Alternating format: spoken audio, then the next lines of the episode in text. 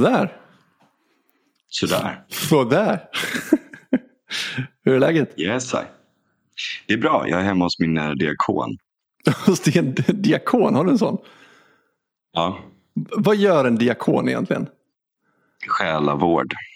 Själavård? Den ska vara med snart. Jaha, Mm. okej. Spännande. Behöver du själavård? Ja. Jag tror att vi alla behöver det ibland. Ja, det är faktiskt sant. Det är en bra, Ja. Det är en bra Han ska vara med snart också. Han och, eh, och eh, en annan kompis också. Ja, okej. Spännande. Man ska, ha alltid, man ska alltid ha så här, eh, liksom en, en, en vänkrets eh, ska se ut som en så här Dungeons and Dragons-grupp. Man ska ha en trollkarl, en diakon, en bard, en, en krigare. Eh, ja, Okej. annars, annars, är, annars är det någonting som, ja, annars är man inte based. Nej, okej. Eh, passar Isidor in i den, eh, din grupp där? Ja, exakt. Han är tro- trollkarlen då eller? ja, det är faktiskt väldigt sant. Men du, en liten fråga. mm. Hur brukar du ta dig till jobbet? Pendel. Pendel? Och du åker Pendel. liksom... Ja, pendel, ja precis. En gång liksom... så var det strejk på den pendeln. Jaha, En kort passus. Ja, det var strejk nu i somras för att de tycker att det är, det är inte tillräckligt många tågförare och lalala. Liksom, och, ja just det, just det. eh, MTR och sådär. Liksom. Ehm, att, de, att de är taskiga. Och det är liksom, det är så här, vi börjar ju närma oss automatiseringen av tåg. Liksom. Mm. Ehm, men vi är inte riktigt där och så är det liksom stök och sånt där. Men de är inte så stökiga de tågen faktiskt. Men, um, nåväl. Um, Men alltså, har vi inte automatiserade-. Får jag bara fråga, har vi inte automatiserade tåg i andra? För jag för mig att jag var i, i Paris eh, 2011, så länge sedan. Mhm. Och att i tunnelbanan där så var det liksom ingen förare. Utan Ja, där finns det. Ja, ja exakt. Ja, precis. Ja, men det finns redan. Ja. Ja, varför har vi inte det Och det är perf- perfekt grej att göra på sådana tågsträckor. Um, Mm. Jag vet inte. Eh, det kan vara att det inte är liksom anpassat för avspärrningarna än och sånt. Men det känns som att det är ett minor problem. Liksom. Ja, Uh, jag, alltså, om, jag skulle säga så här. Om det är någonting som man faktiskt verkligen behöver på en, på en sån ehm, på en pendel så är det ju en person som är eh, liksom security och som kan hjälpa till om det kommer någon med rullstol. Fast jag menar, he, även den här grejen med rullstol borde ju kunna vara liksom automatiserat sådär också. ja. Så att, ja. ja. Nåväl, de håller på och, och strejkar och bråkar om det här. Mm. Jag är faktiskt inte jätteinsatt i om de eh, har rätt eller fel i, i sak. Eh, men eh, alltså, jag kan svära på mitt liv att jag hör introt och då har de alltså kapat. Jag, jag, jag är sen till jobbet och, och det, är liksom, det är två pendlar i rad som har ställts in och jag börjar bli jävligt irriterad. Mm. Eh, och, och så hör jag det spraka till i PA-systemet på perrongen. Mm. Och då kör de introt till arbetarbröder Åh jävlar! med knutna nävar. Har Oh, hört shit. det? Ja, det, det kanske förklarar varför vi inte har eh, automatiserade tåg. Ja, kan, inte du, kan, inte du, kan inte du slänga in det här så att, äh, i, i den så att alla får höra hur den låter? Ja, vi lyssnar på Jag den måste nu. sätta på den själv nu. Det viskas i väster och öster.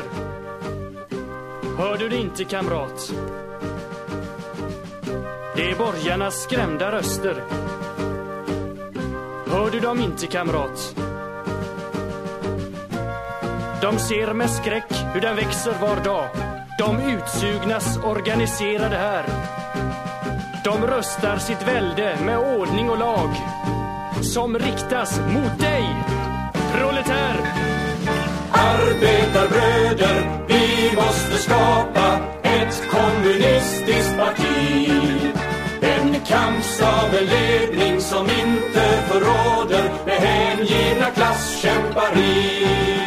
Vår samlade vilja, vår mening förtrupp som leder till seger, vår väldiga kamp. Vår stolthet, vår ryggrad, vårt hjärta, Ja, you get the point. Ja, I get the point. ja, ja. Det är, det är vi som är borgarnas skrämda röster. ja, precis. Exakt så. När vi står här på perrongen. Jag började asgarva faktiskt. Ehm, Det är väldigt, väldigt... För grejen är att så här, det, det roliga är att jag tror, att jag tror inte att de gör det ironiskt. Liksom. Nej, nej, nej, nej, nej. Det tror inte jag heller. Och det är därför det blir så, det är därför det blir så jävla roligt. Liksom. Då blir det helt plötsligt så här ofrivillig humor av det hela. Ja, ja det, är, det är hemskt. Alltså, jag, jag, jag gillar den här gamla liksom, progg-grejen verkligen. Jag tycker att det är väldigt roligt att lyssna på. Men, men det är ju Alltså dels för att det, det är ganska nice musik med liksom roliga texter. Men det är liksom, jag skulle ju aldrig lyssna på det seriöst. Eller det, ja, det skulle vara lite konstigt kanske. Men Staten och mm. kapitalet är ju en sån klassiker som är, den är ju den är guld alltså. Men den kan man ju lyssna på för texten för att det är faktiskt en bra text. Och den sätter fingret mm, på ganska mycket. Nej men alltså anledningen till att jag undrade hur du tar dig till jobbet. Alltså, så här, tar du, alltså, åker du till jobbet liksom samma tid varje dag oftast? Mm, jag försöker att göra det. Jag är ju ingen morgonperson alltså, så jag, det händer ibland att man råkar ta en som går lite senare. Ja men precis. Men jag men, försöker. Men någorlunda samma tid typ varje dag. Ja. Även om du försover dig mm. någon, någon dag i veckan eller två kanske. Ja eller du vet man glömmer någonting eller vad fan. Ja precis. Men du vet, alltså jag brukar ju, alltså när jag jobbar så går jag ju alltid till jobbet. Och det är ju alltid, mm. alltså jag är ju mer fyrkantig än vad du är. Så jag går ju alltid prick samma tid varje morgon. Och mm. man, liksom på vägen så lägger man märke till de här som är precis lika fyrkantiga som en själv. Att så här, man möter exakt samma människor på exakt samma plats på vägen liksom. Varje morgon. Mm. Är du med om det också? Sitter mm. det liksom samma människor på pendeln varje morgon? Mm. Jo, men en del sådana där karaktärer som man känner igen. Ja. Så är det ju. Det är väldigt... Men det är så många. Alltså grejen är att så här, jag, eh, alltså, jag, jag kommer in, när jag kommer in i, i kollektivtrafiken Mm. Grejen att det är en sak i Göteborg för att där är liksom, det är inte så mycket människor och man hoppar på en vagn och det är kanske någon man känner och halloj mm. och du vet någon som drar en ordvits liksom i bakgrunden. det, det, är, är inte faktiskt sant. Det, det, det, det händer ju liksom, eller någon kommer med någon sån här du vet, putslustig jävla kommentar. Liksom. Ja, det händer ju inte riktigt på samma sätt i Stockholms lokaltrafik och grejen är att jag älskar och hatar Stockholms eh, kollektivtrafik på samma gång. För att jag kan bo ute i skogen mm. eh, och vara inne dörr till dörr på Stureplan på 40 minuter. Eh, det går nästan alltid bussar på kvällarna och, och pendeln går sent och, och den går skitsnabbt. Och så här, det är ett kort som funkar till allt. Och hela mm. den biten. Så där. Uh, och, och, Jag tycker att det är, på sätt och vis är det nästan skönare med spärrar än att det är en massa jävla kontrollanter hela tiden. Mm. Um, men det jag hatar med Stockholms kollektivtrafik det är att det är så jävla mycket folk. Mm. Och eh, T-centralen och sådär är ju fruktansvärd också. Jag kom ju in sådär i, som en jävla Gringotts svartalv. Liksom. Mm. Eh, rakt ner i, i, i eh, de djupa tunnlarna. Det är liksom tusentals spöken av döda polacker som har dött under liksom, fruktansvärda arbetsförhållanden där nere och allt möjligt. Um, och, och, och som, som, som liksom kurva så här. Um, man ekandes. Um, och um, vad heter det? Um, det, här är mitt liv ja, det, är med, det här är mitt liv med Frans. Man försöker leda in samtalet på, på en sak och så typ kommer din hjärna igång och sprutar tusen idéer åt olika håll och så bara, äh, vänta nu, hur ska vi komma tillbaka till min jag, jag, ja, men det, det, värsta, det värsta är bara så här då. Det, mm. det värsta är inte det. Det värsta är ju att folk sitter hela tiden med sina jävla TikTok-grejer och öppet och du vet allt sånt där. Och det är så jävla mycket folk så jag stänger av, är vad jag försöker säga. Mm. Vadå, så du lägger inte märke till, till människor? Längre? Nej, inte så mycket alltså. Det är några mm. man känner igen här och där. Men jag, jag, liksom, jag är väldigt duktig på att stänga av mig helt bara. Men det kanske är en annan grej när man går robot. till jobbet. Typ. För, att, för att då... Alltså, folk går ju sällan med mobilen framför sig när de är ute och går. Liksom, när de är på väg till jobbet. Alltså, det händer ju såklart. Men det är ju inte lika frekvent som när folk sitter på en spårvagn eller på pendeln. Liksom. Då finns det ju inte mycket annat att göra än att sitta och kolla i telefonen. Um, men jag har i alla fall flera sådana som jag varje morgon så springer in i på exakt samma plats varje morgon. Och efter ett tag så blir det liksom det. Man, man, typ, man formar någon form av relation till den här personen. Man känner ju inte dem överhuvudtaget. Men man liksom... Man känner... Ja, men lite grann den liksom. Och jag kommer ja. ihåg när jag började på mitt jobb, alltså det är ju fan är det, 2016 tror jag. Um, då var det en sån snubbe som jag sprang in i varje morgon på exakt samma plats. Och det var liksom inne i, alltså mitt jobb ligger inne i Nordstan. Um, och jag sprang in i den här snubben på exakt samma plats varje dag inne i Nordstan. Och han var den som var mest konsekvent.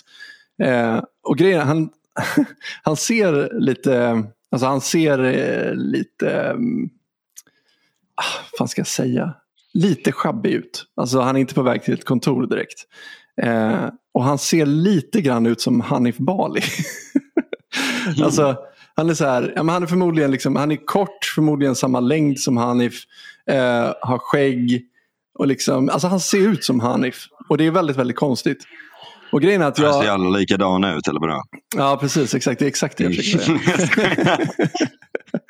Nej, men, så jag sprang in i han i säkert flera år, säkert ett par, tre år. På exakt samma plats. Mm. Och sen försvann han en dag. Eh, och sen såg jag inte honom på kanske ett halvår eller så. Och sen eh, köpte jag bil och då brukar jag åka och handla på Frölunda torg. Eh, och då såg jag honom på Frölunda torg. Så att varje gång jag åker och handlar på Frölunda torg så går vi förbi varandra på exakt samma ställe utanför Hemköp på Frölunda torg. Så att det har liksom blivit Oj. lite så här, han ser mig, jag ser han. Och det här har liksom pågått, jag har ju känt den här personen i, i sju år snart. Liksom. Men vi har mm. aldrig bytt ett ord med varandra. Alltså, vi har bara liksom noterat varandras existens. Jag tror att han känner igen mig också för att han följer mig alltid med, med ögonen. Mm. det... Men nickar du lite till honom då? Ja men lite så. Alltså, så här, det är ja. lite weird men, men ja lite så. Han får och... ett litet smil. Ja, precis. Och jag, liksom, jag har ju berättat för, för Sandra om honom. Så varje gång vi åker och handlar så, så tittar vi alltid efter Hanif som vi kallar honom. Då. Ja. för, för Hanif är ute och går. För att han har liksom, jag, jag, jag, vet inte vad det, är, vad det är med honom. Men he, hela hans dag verkar gå ut på att gå mellan eh, A till B liksom, inuti ett köpcenter. Jag vet inte vad han håller på med. Men det är liksom, jag vet inte om han är sjuk på något vis. Men, men det är det han gör. Så att han brukar gå mellan Hemköp på Frölunda torg. Bort hela den här gången. Bort till, ja, vad ska man säga, Lidl typ. Och så går han fram och tillbaka där, typ, så förmodligen hela dagen. Liksom. Så att det spelar liksom ingen roll när jag dyker upp på Frölunda torg. Jag ser honom alltid där. Mm. och det är intressant. Alltså så här, man har ju flera sådana människor i ens liv som man liksom på något sätt blir medveten om. Och sen känns det som att man har känt den personen under längre tid. Och sen kanske helt plötsligt så lär man känna den personen lite grann.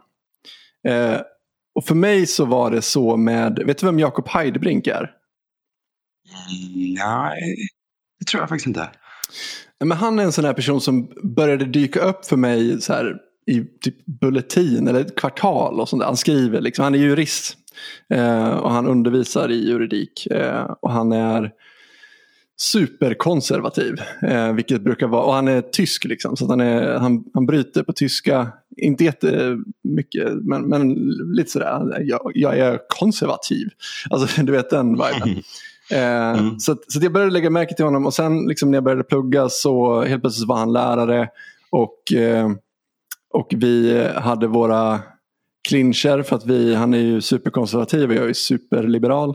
Så att vi drar ju inte alltid jämnt liksom och jag kan ju aldrig hålla käften så att det blev väldigt mycket ja, sådär. Eh, och kanske det han är mest känd för egentligen det är ju hans Facebook-konto vilket är väldigt spännande. Alltså du borde följa honom på Facebook, han är väldigt intressant där. För att han, alltså han skriver så Det är liksom en personlig blogg för honom mer eller mindre. Alltså han skriver ett långt mm. inlägg varje dag, minst en gång om dagen. Eh, så han har blivit någon form av Facebook-influencer. Där han pratar juridik eller politik framför allt.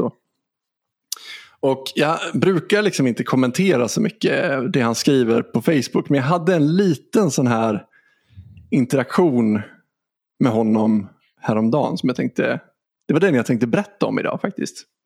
Mm. Eh, och då, alltså grejen är att Jakob hatar naturrätt. Alltså det är, det är få saker som man hatar så mycket som naturrätt verkar det som. Alltså Mm. Det kommer liksom i jämna mellanrum där han liksom lägger upp ett inlägg där han berättar om hur mycket han hatar eh, naturrätt. Och det här var ett sånt tillfälle. och det Som kan jag säga. konservativ också, det är intressant. Ja, det är väldigt intressant. Eh, Ja. det är väldigt, väldigt konstigt. var- Alltså- Um, Jo, vad, är han liksom? Eller, Ja, det är det som är konstigt för att han är ju samtidigt så här ett samhälle byggs underifrån, liksom gräsrotsnivå och det måste ta tid och du vet, hela den, den sortens konservativ är han. Samtidigt Mm. som han hatar naturrätt och liksom tänker sig att alla regler kommer från staten. Liksom. Det finns inga regler. Liksom. Men jag tänker vi kommer in på det. Jag tänkte först att jag skulle läsa upp det här inlägget för att man hör liksom mellan raderna liksom hur, hur det dryper av hat. Eh, han skriver alltså så här då. Jag ser en titel publicerat som enligt omslaget utlovar att berätta vilka som är de tidlösa principer på vilka alla samhällen måste grundas. Nej, jag berättar inte vilken titel det handlar om. Jag blir alltid lika överraskad. Varför har vi inte redan för länge sedan upptäckt dessa principer när de nu är tidlösa och endast kräver att någon organiserat argumenterar för dem för att vi ska veta hur samhället ska ordnas? Har alla, föregått, Eh, har alla som föregått den individ som beskriver en sådan bok varit dumma i huvudet? Naturrättsliga betraktelser talar om förmenta självklarheter som, om vore de självklara, inte rimligen skulle kunna vara föremål för oenighet. Faktum är att alla naturrättsliga system har varit och är omtvistade. Redan detta faktum torde visa att vi, ens om det funnits någon naturrätt, inte har förmågan att känna igen den. Naturrätten är, är ju enligt definitionen tidlös och gäller i alla samhällen. Alltså gäller den redan i så fall på stenåldern. Då borde mänskligheten rimligen sedan länge vara överens om hur denna naturrätt ser ut. Jag har aldrig förstått hur man i ljuset av denna överväldigande brist på sannolikhet att naturrätten överhuvudtaget existerar kan hålla på med naturrätt. Som funnits inte mera brännande akuta problem. Slutcitat. Mm. Ja, man, man hör ju, det dryper liksom. Det, det här är Mm. ilska och det är, det är argument och ja, staplat på varandra här. Och jag tänkte att jag skulle ta itu med det här. Men i alla fall, när jag, såg den här texten så, så blev jag trött. Alltså, alltså, gre, alltså jag, jag älskar Jakob Heidbrink. Alltså jag, grejen är att anledningen till att jag vill prata med honom är inte liksom för, att, för, att, för att basha honom. Han är grym verkligen. Alltså han, han är förmodligen den bästa läraren jag har haft. Och, han, och som jag säger, han är alltid liksom intressant att, att följa för att han är liksom jag tror att det måste ha att göra med att förmodligen att han, att han är tysk. Han är väldigt osvenskt, osvensk och det är väldigt svenskt av mig på något sätt att, att tycka om det. Men han är liksom han är väldigt rakt på sak och liksom, han hymlar inte med vad han tycker. Och det, jag gillar verkligen det hos honom. Eh, och alltså Och i den här lilla interaktionen då vi hade, där försökte jag mest förstå hur, hur han tänker kring det här. Och det visar sig att han rent filosofiskt tycker liksom att sanning är subjektivt. Det kommer alltid vara subjektivt. Och för att, för att något ska kunna anses vara objektivt så måste alla liksom, rent subjektivt hålla med om det. Och alltså, ja, det, mm, och vi var liksom inne på, alltså vi, vi, vi, vi var inne på att så här, jag sa att alla håller inte ens med om att, att, jorden, att jorden är rund. Liksom. Och jag Mm. försökte mena att, att, att jorden kommer ju objektivt sett vara rund även om alla uppenbarligen inte håller med om det. Ehm, men det eh, höll inte han med om. Och det här gjorde mig lite trött och frustrerad. Men, men liksom, för mig är det uppenbart att, att han har fel om det här. Men, men när jag liksom förstod hur han fick ihop sig själv så liksom, ja, då kände jag bara att då, då får jag tacka för diskussionen för att det kommer bli det kommer bli för stort om vi ska fortsätta på Facebook om det här. Liksom. Jag förstår, men han är liksom mer åt det naturalistiska. Han tror inte på objektiva värden. Han är mer naturalist och mer åt liksom eh, eh, ja, men, li, lite det här att det som det finns ingenting objektivt, det finns bara pragmatik. Ja, På något precis. sätt? Så, och det är Ja. väl, det, det skulle man kunna säga är, Pragmatikens verktyg är staten som, som balanserar olika gruppers intressen. Exakt, precis. Jag skulle säga att det är ett väldigt sossigt eh, förhållningssätt. För det är väldigt mycket så vår svenska juridik är uppbyggd. Det är liksom snarare eh, att, att lagstiftaren på något sätt har så här, stiftat överenskommelser mellan olika grupper. Typ. Alltså det är mer det än att man försöker komma fram till vad som är rätt och fel. Men, men är inte det också ett ganska Mm, konservativt drag just det här med att man ja, pragmatismen på något vis. Mm. Ja, alltså jo det är det ju. Ehm, Det är, det är många som tror att konservatism är någon form av bakåtsträvande. Det är, ju, det är det ju inte. Nej. Ehm, utan, utan snarare så, ja absolut, en, en, en långsam pragmatik och att balansera olika intressesfärer i samhället.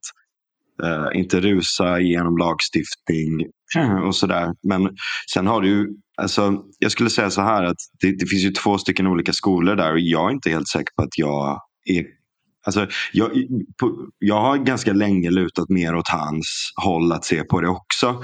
Mm. Ehm, på många sätt. Men, men har ehm, väl sett bristerna i det också ganska mycket. Men för- liksom för att försvara hans take Mm så är det väl lite det här då att ja, det är klart att du kan ha eh, någon form av eh, ratio och eh, genom förnuftet nå eh, slutsatser om saker och ting bör vara eller icke vara.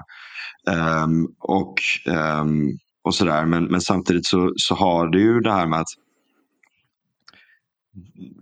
vad, alltså att, att bo i ett, ett, ett större, alltså att, att leva i ett samhälle innebär ju någonstans, och, och, och också då en, en demokrati, innebär ju någonstans också att du kommer ha olika folk som har olika viljor inom det systemet. Mm. Eh, och ehm, eh, där finns det ju en alltså intersubjektivism som går att få någon form av lokal eh, icke-stabil men, men ändå liksom ehm, Ja, men en överenskommelse. förhållande. Liksom, ja, men precis. Eller så här, mer eller mindre stabila överenskommelser över tid. Liksom. Det är ett Mm. ganska organiskt system eh, egentligen. Mm, Jämfört, det. med det mekani- jämfört med det mer mekaniska systemet av att här är grundreglerna. Bang! Mm. Ehm, gör vad ni vill efter det. Mm. Ehm, problemet Ja. med den organismen är Mm. ju att, ehm, och, och, och varför man som konservativ kanske bör vara lite eh, skeptisk mot, mot det förhållningssättet, är ju också det att problemet, eh, problemet med det är ju eh, majoritetens tyranni. Ja, exakt. Eller också, och problemet som, som liberal med det är public choice och korporativism och korruption och, eh, och eh, institutional capture, Mm. eh, elite capture, alltså alla, alla de bitarna. Det vill säga att eh, du får ett sys- när, alltså när du har ett så att säga på pappret pragmatiskt system Mm. så är det också extremt sårbart för att kapas av väldigt många olika intressen Mm. som manipulerar, gaslightar eh, eller, eller liksom eh, driver på folk i en riktning för att ge sig själva legitimitet och att det blir ett själva ändamål i sig. Det vill säga att Mm. de som är insiders i systemet får extremt mycket mer makt på Mm. bekostnad av att man inte följer vissa principer som faktiskt är ganska bra. Mm, precis. Det är bra att du tar upp det, för jag tänkte vi skulle komma in på det eh, lite senare. Ehm, men jag tänkte att vi skulle börja i det här. Alltså, för de som följer podden så Alltså, vi hade ju ett helt avsnitt förra sommaren som eh, hette Till försvar för naturliga rättigheter.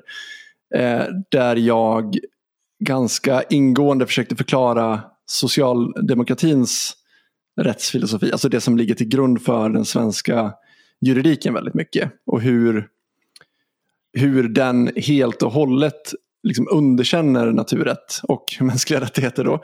Eh, och jag tycker att alltså i det avsnittet så lyckades jag... Alltså kommer du ihåg när vi spelade in det här avsnittet?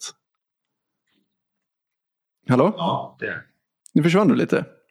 Nej, men jag är kvar. absolut. Ja, okej. Du lutar jag dig tillbaka. Ja. Nej, nej, jag sprang och tog en kaffe men jag lyssnade. Ja, okej. Nej, men jag tycker Men alltså, jag, ja, men jag, mm. Ja, jag, jag tycker att i det avsnittet så lyckades jag ändå sticka hål på den här filosofin. Men det slog mig att, att det här avsnittet blev väldigt långt och det var först egentligen i slutet som jag liksom faktiskt kom tog mig fram till an. någonting. Men du ja, prövade precis. ju tankar runt det också. Ja, men precis. Det måste man få göra ibland.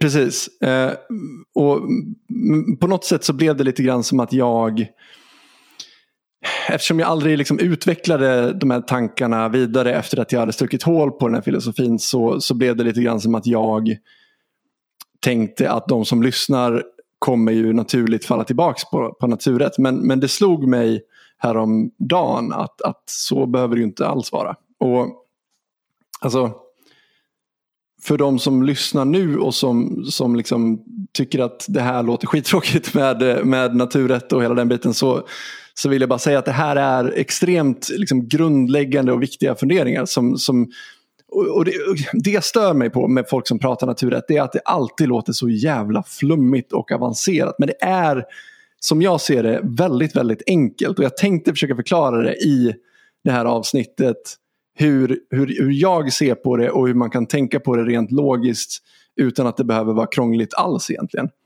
Eh, och alltså För att bara liksom hålla isär lite olika idétraditioner inom liksom rättsfilosofi så kan man säga att så här, alltså Jakob Heidbrink han anser sig själv representera en, en positivistisk tradition.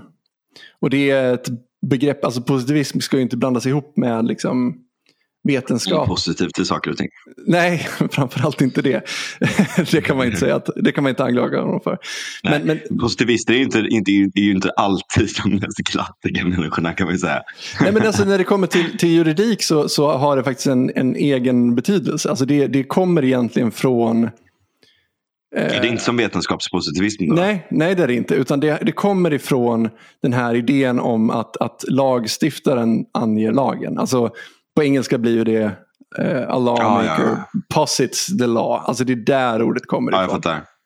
Och, så, så det är egentligen det man behöver veta om positivism. Det är att liksom, lagen kommer från lagstiftaren. Punkt. Alltså det, Mm. det är så enkelt det är. Och som naturrättare så tänker man lite annorlunda. Man, liksom, man menar på något sätt att det finns logiska regler i vår natur som rationella varelser som liksom på något sätt föregår lagstiftaren och då även liksom de här lagarna som lagstiftaren anger.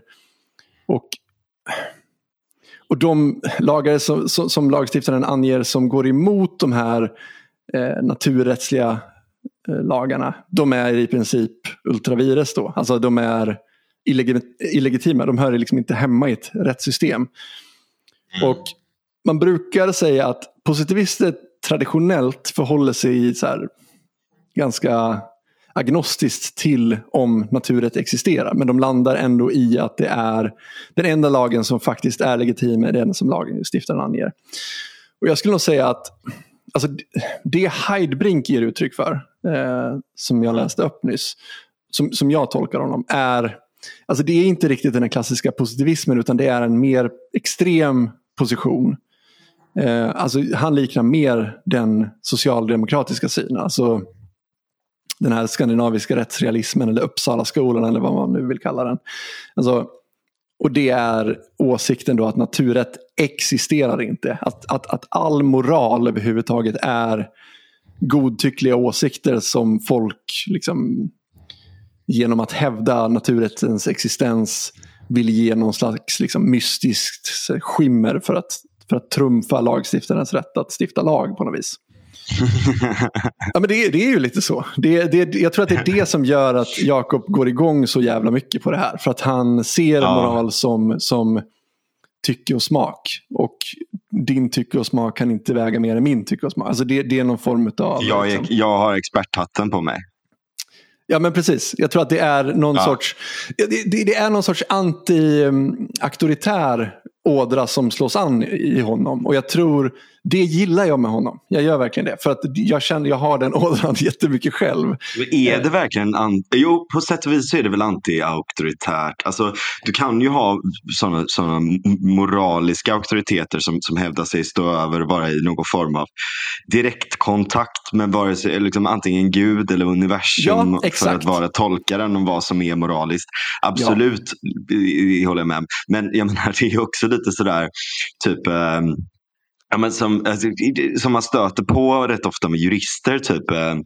du vet, när man är så här, okej men det är orimligt att det är högre straff på typ, eh, I don't know, typ eh, eh, sälja gräs eller ladda ner en film än att typ, eller det är, så här, det är o, o, orimligt att det är den här eh, straffpåföljden där medan Mm. du får typ så här ett och ett halvt år fängelse och, och liksom eh, eh, du vet, eh, får, får liksom gå in och ut ur fängelset hur du vill. Liksom, om, om du döms för att ha liksom, så här, smattrat någons bröst med 32 kulor med en kalasjnikov när du är 19. Typ. Eller, du vet, så här, Ja, mm. så det är så här, och, och de bara, du vet, så tar de på sig, du, du rättar till glasögonen och säger, men faktiskt så kan man inte jämföra det där. Ja. det tycker jag. För, för vi är faktiskt, vi, vi, vi, vi har faktiskt pluggat juridik. Så fuck off liksom. Ja. Jävla tönt liksom. Snea på det. Men, Men men, jag, jag är säkert, men jag är väl säkert dum i huvudet. Liksom. jag Nej, vet nej, inte. nej, nej, Jag, nej. Alltså, det här är jag har ju väldigt- inte pluggat juridik. Men det, jag tycker att det här är väldigt enkla idéer att, att förstå. Och jag, men jag, jag- just det där, jag tror att naturrätt har förknippats för länge med liksom religion och eh, att man får naturrätt från, från Gud och så vidare. Och då tror jag att det kanske går an en liten varningsklocka att säga, ah, vi ska fan inte ha teokrati. Liksom. Och det förstår jag, för det vill inte jag heller. Eh, men för mig är inte naturrätt kopplat till religion på något sätt. Alltså, man behöver liksom inte slänga ut bebisen med badvatten för att komma med en anglicism. Men för att i- enligt religionen så skapade ju Gud jorden och människan också. Och jag menar bara för att vi har kommit på sen att det låter ju rätt orimligt så behöver det ju inte betyda att vi, vi måste sluta tro på människans och jordens existens bara för det. Utan vi kan ju fortfarande notera att saker och ting existerar men vi kan ju förklara det på ett annat sätt. Och det är exakt samma Mm. Vad menar du existerar? Vad menar du existerar med naturrätten då? Ja, men jag, jag, jag tänker att jag ska komma till det, men vi måste lite grann börja från liksom, scratch på något vis. Och då tänker jag att jag ska komma med några exempel och på något sätt så måste vi ha en helt blank slate. Alltså vi behöver ha människor som befinner sig i ett, i ett laglöst land. Så, så tänk dig att, att, att du har varit på en, ett, ett segeläventyr med fyra andra polare. Och den här segelbåten sjunker och ni tar er i land på en öde ö mitt ute i havet. Och där står ni alla fem på stranden och ni vet inte vart ni är. Alltså, ni, ni vet inte ens om ni är i, liksom, i, inom i något lands vatten. Eller något sånt där. Alltså, as far as you know så finns det inga lagar som gäller här. Och i den här situationen när ni står på stranden där, vad skulle du säga är det första man skulle göra eller tänka så här, det här måste vi göra nu, liksom. vad är det första? Eh, eh, samla ihop eh, till en lägereld Ja, du tänker och eld? bygga ett skydd. Mm. Eller, eller, ja, eller det första, första man får väl konstatera är så här, okej, just det, fråga, känner man varandra sedan innan? Ja. Man gör det? ja, det gör ni. Okej, men för att, jag menar så här, det första, om man inte känner varandra, är att hälsa artigt. ja, men vad bra. Vad Och bra. konstatera, hej, okej, jag heter det här, det här är mina färdigheter. Eh, ska, vi, ska vi försöka samarbeta och inte slå ihjäl varandra? Du är så jävla extrovert. Jag tänkte liksom bara så här, det, det är givet. Vi, vi är på den här stranden. Nej, alltså jag tänkte på att det första man behöver göra det är ju kanske att leta reda på vatten. För att det är ju typ det mest basala behovet en, en människa har. Vi måste dricka vatten annars dör vi. Liksom. Ja, det är sant. Det, det är faktiskt väldigt bra. Ja. Men säg så här, ni, ni kommer överens om det. Ni måste hitta vatten det första ni gör. Men grejen är ju så här, ni kan ju liksom inte veta om det kan dölja sig faror på den här ön. Alltså typ farliga djur eller andra människor som kanske skulle kunna attackera er och vilja er illa på något vis. Och då, mm. det är ju säkrast att gå i samlad trupp. Tänker jag. Alltså, vi säger ja. att alla, alla kommer överens om att det här är det bästa sättet att leta på vatten på. För att skulle vi bli överfallna så har vi störst chans att överleva som grupp om vi är tillsammans. Mm. Men Man vet då... inte vad det finns för faror där. Det kan vara såna här eh, amazonska stammar som är extremt, extremt, eh, eller som de här sentineleserna. Ja men exakt, precis. Ja, men då, kommer ett, då dyker det upp ett problem direkt. Och det är liksom att, att några i gruppen tycker att det är rimligt att gå rakt in i skogen eller djungeln eller vad det är ni har framför er för att leta efter vatten. För att det, det är liksom de menar liksom att där är det mest troligt att man kommer dels snubbla på vatten om man går in i skogen mm. och kommer bort från liksom stranden och havet. Eh, mm. Och några andra i gruppen tycker att skogen är ju rätt farlig och det vore säkrare kanske att gå efter stranden och, och kika om det dyker upp någon, sjö eller något som man fortfarande kan se från stranden. Det är liksom rätt farligt att gå rakt in i skogen eftersom det begränsar sikten och, och ja, det är riskabelt. Liksom. Så mm. nu har vi ett litet dilemma här. Alltså, alla är överens om att vi ska gå tillsammans men vi är inte överens åt vilket håll vi ska gå. Så hur fan löser vi det här nu? De splittrar upp sig. Men det har vi kommit överens om, det, det är inte ett alternativ. Okej, okay, ja. Vi ska gå eh, tillsammans. då röstar man. Exakt. Då röstar man. Det är perfekt. Och alla är överens om att ja, men vi, vi följer majoritetsbeslutet här. Alltså, vinner majoriteten att gå in i skogen, då gör vi det. Och vinner majoriteten att gå efter stranden, så gör vi det. Mm. Det är första exemplet. Jag trodde att du skulle köra paleolibertarian och inte sosse. Jag ska... Nej, vadå? Paleolibertarianer, de, de är väl absolut eh, för att, att, att människor ska kunna organisera sig själva i grupper om de vill det. Ja, ja, ja, och det, det kan vara fördelaktigt och ja, du vet allt sånt mm. där. Ah, ja, skitsamma. Ett annat exempel. Men, men att splitta upp right to exit liksom. Ja, ja. Jo, men alltså det, det är ju... Och så bara, det... nu äger vi den här sjön för att vi hittade den först. ja, ja. det var jävligt synd för er. Liksom. Nu får ni bara, bli bara bitches om ni ska överleva. Alltså, det, kom, det, kommer vara väldigt enkla exempel jag kommer med nu. För, bara för ja, att fortsätt. illustrera Jag ska sluta deraila. Ja. ja, precis. Exempel två. Vi säger så här när ni liksom precis har kommit till land på ön så visar det sig att, att du har lyckats kämpa med dig en dunk med vatten från båten. Alltså, mm. Trots att det här liksom höll på att kosta dig livet när båten sjönk så, och du blev tvungen att simma med den här jävla dunken så hann du tänka att du, du kommer dö ändå om du tar tillgång till vatten vart du än hamnar. Så nu, nu, nu står ni där på ön, fyra personer utan vatten och du har en dunk vatten. Mm. Och i ett sånt läge så tänker jag att det rimliga vore väl ändå att, att dela med sig av vattnet till de andra. Men, men säg att du Säg att du inte ville Säg att du liksom, när båten börjar sjunka och alla fattade att ni skulle hamna i havet. Säg att du propsade på att alla tog med sig en varsin dunk vatten men att alla vägrade. Men att du liksom, mm. med risk för ditt eget jävla liv gjorde det. Och nu så här, kommer de i efterhand och vill ha ditt vatten. Mm. Och du tänker att ja, men då ska jag fan ha någon, någon form av motprestation för att dela med mig av det här vattnet. Ni kan inte bara snål, rida snålskjuts på mig. Liksom. Och låt säga då att de andra i gruppen kräver en omröstning om att vattnet ska delas lika med alla eller att du ska få behålla det då. Hur skulle du känna inför det om, om ni röstade liksom om det? Uh, nej men jag, eh, uh, jag ja, det, är ju, det är ju rimligt att den personen får, får uh, liksom bestämma över vattnet med brasklappen att um, okej, okay, det är klart det är ditt vatten och sånt där. Men uh, och, och, och, det är klart att du har liksom du, du har liksom förtur till till det vattnet. Men om vi delar upp det mellan varandra så har vi också större chans att hitta vatten långsiktigt. Mm. Liksom. Ja, precis. Uh, men, men jag tänker liksom... det är liksom- ditt beslut för att du tog hit dunken. Liksom. Precis, men det men inte... sen är det ju liksom, om, ja. det, om, om det skulle vara så här då. Här kommer det in på också, liksom, om den personen säger att Nej, men jag kommer inte dela med mig över, överhuvudtaget. Liksom. Mm. Uh, liksom, ni, ni borde ha tänkt på det här och jag är smart och ni är dumma i huvudet. Liksom, håller på och allt sånt där. Liksom. Mm. Då får han också tänka lite på att så här, okay, men det är liksom fyra mot en. Så att det ligger ju i hans egen intresse att inte vara en självisk fitta i det läget också. Liksom.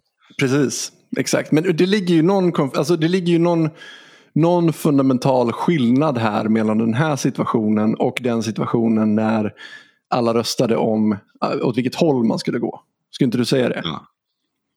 Ja, skulle, ja, ja, exakt. Och vad- exakt. och vad skulle du säga att det, den skillnaden är? Vad, vad är skillnaden på de här? För att jag menar, det är fortfarande två stycken olika omröstningar om... Ja, om men det, det är för att han har eh, lagt ner tid och kraft på att göra någonting. Ja, men precis. Och det är ju det, på något sätt så, så finns det ju en överenskommelse i första exemplet om att jo, men, okej, men vi röstar om det här och jag, jag kommer vika mig för majoritetens beslut. I, Mm. I det här fallet så finns det liksom ingen sån överenskommelse. Utan det blir något annat på något vis. Och det, jag skulle vilja, alltså det jag försöker komma fram till med det här det är att de här två exemplen sätter fingret på två olika syner på demokrati egentligen. Alltså den ena säger liksom att majoriteten har alltid rätt att göra som den vill även om det är på minoritetens bekostnad. Och den här synen Alltså, den andra synen säger liksom att vi måste vara överens om vad vi röstar om för att ett röstresultat ska vara legitimt. Och den första skulle jag vilja kalla liksom ett, ett våldssamhälle för att inte alls vara biased i det här. Alltså det här när eh, majoritetens tyranni som du kallade det. Alltså när majoriteten alltid har rätt över minoriteten. Det skulle jag vilja kalla ett våldssamhälle. Och den andra skulle. Nej, det skulle inte jag kalla ett våldssamhälle. Ja men nu är det jag som Alltså, bestämmer. ehm, ja, Nej men vadå, vad skulle du kalla det? Ja, okej, men jo, men okej. om, om, om, för att jag menar, du kan ha en minoritet eh, som har eh, våldsmonopolet också. Ja, Det är bara det att, i och för sig ja. Mm, det är sant. Men, jag- men okej. men jag fattar vad du menar. Alltså, Ja, om men det är så här, precis. okej, våldet, till, våldet tillhör de som råkar vara i majoritet. Precis. Så ja, absolut. Liksom. Ehm, och det är samma sak som, som våldet tillhör de som är i minoritet. Uh, på sätt och vis också. Alltså, lever du i en diktatur så Mm. är det, jag menar kolla Kina. Liksom. Där, där kan vi snacka. Liksom, det är ju verkligen våldsamhälle. Ja, men kräver inte det på något Eller vis? ta, att- ta att- liksom, eh, något jävla afrikanskt land. Liksom, eller vad fan som helst. Liksom. Jo, men jag tänker samtidigt att där är det nog ändå... Vad ska man säga? Det, det är ju såklart som du säger, det är en minoritet som, som styr. Men för att kunna upprätthålla ett sådant system på något vis så måste du göra det mer lönsamt för flertalet att upprätthålla det systemet än, än det motsatta så att säga. Annars så kommer det ju falla. Tänker jag. Eh, ja, eller så måste du bara ha en tillräckligt stark våldsapparat för att kuva befolkningen. Jo, okej då. Ah, skitsamma, nu, nu Mm. derailar vi lite grann här. Men, men jag skulle bara, det här med eh, majoritetens tyranni i alla fall. Det Mm. skulle jag kalla ett, ett våldssamhälle. Eh, som sagt, jag är biased. Det är det, men man kan säga så här, det är också ett våldssamhälle. Mm. Okej, det är bra. sk- Skulle jag säga. För att i, i många fall så, så Ja, men menar man precis, ju på det att liksom, det är av godo. Precis, Ja. men det är lätt att säga att, att det är av godo för att det är ju faktiskt majoriteten. Men det kan Mm. också vara extremt brutalt. Exakt, det är en bra, det är en bra Till och med poäng. mer brutalt också. Precis. Men om, om vi pratar om den här andra varianten då, när man är överens om premisserna för omröstningen. Eh, om vi bara ska särskilja de två så skulle jag vilja kalla det mer av ett avtalssamhälle. Och som sagt, det här är inga vedertagna Mm. begrepp överhuvudtaget. Det är liksom jag som hittar Mm. på dem och det är, jag är biased.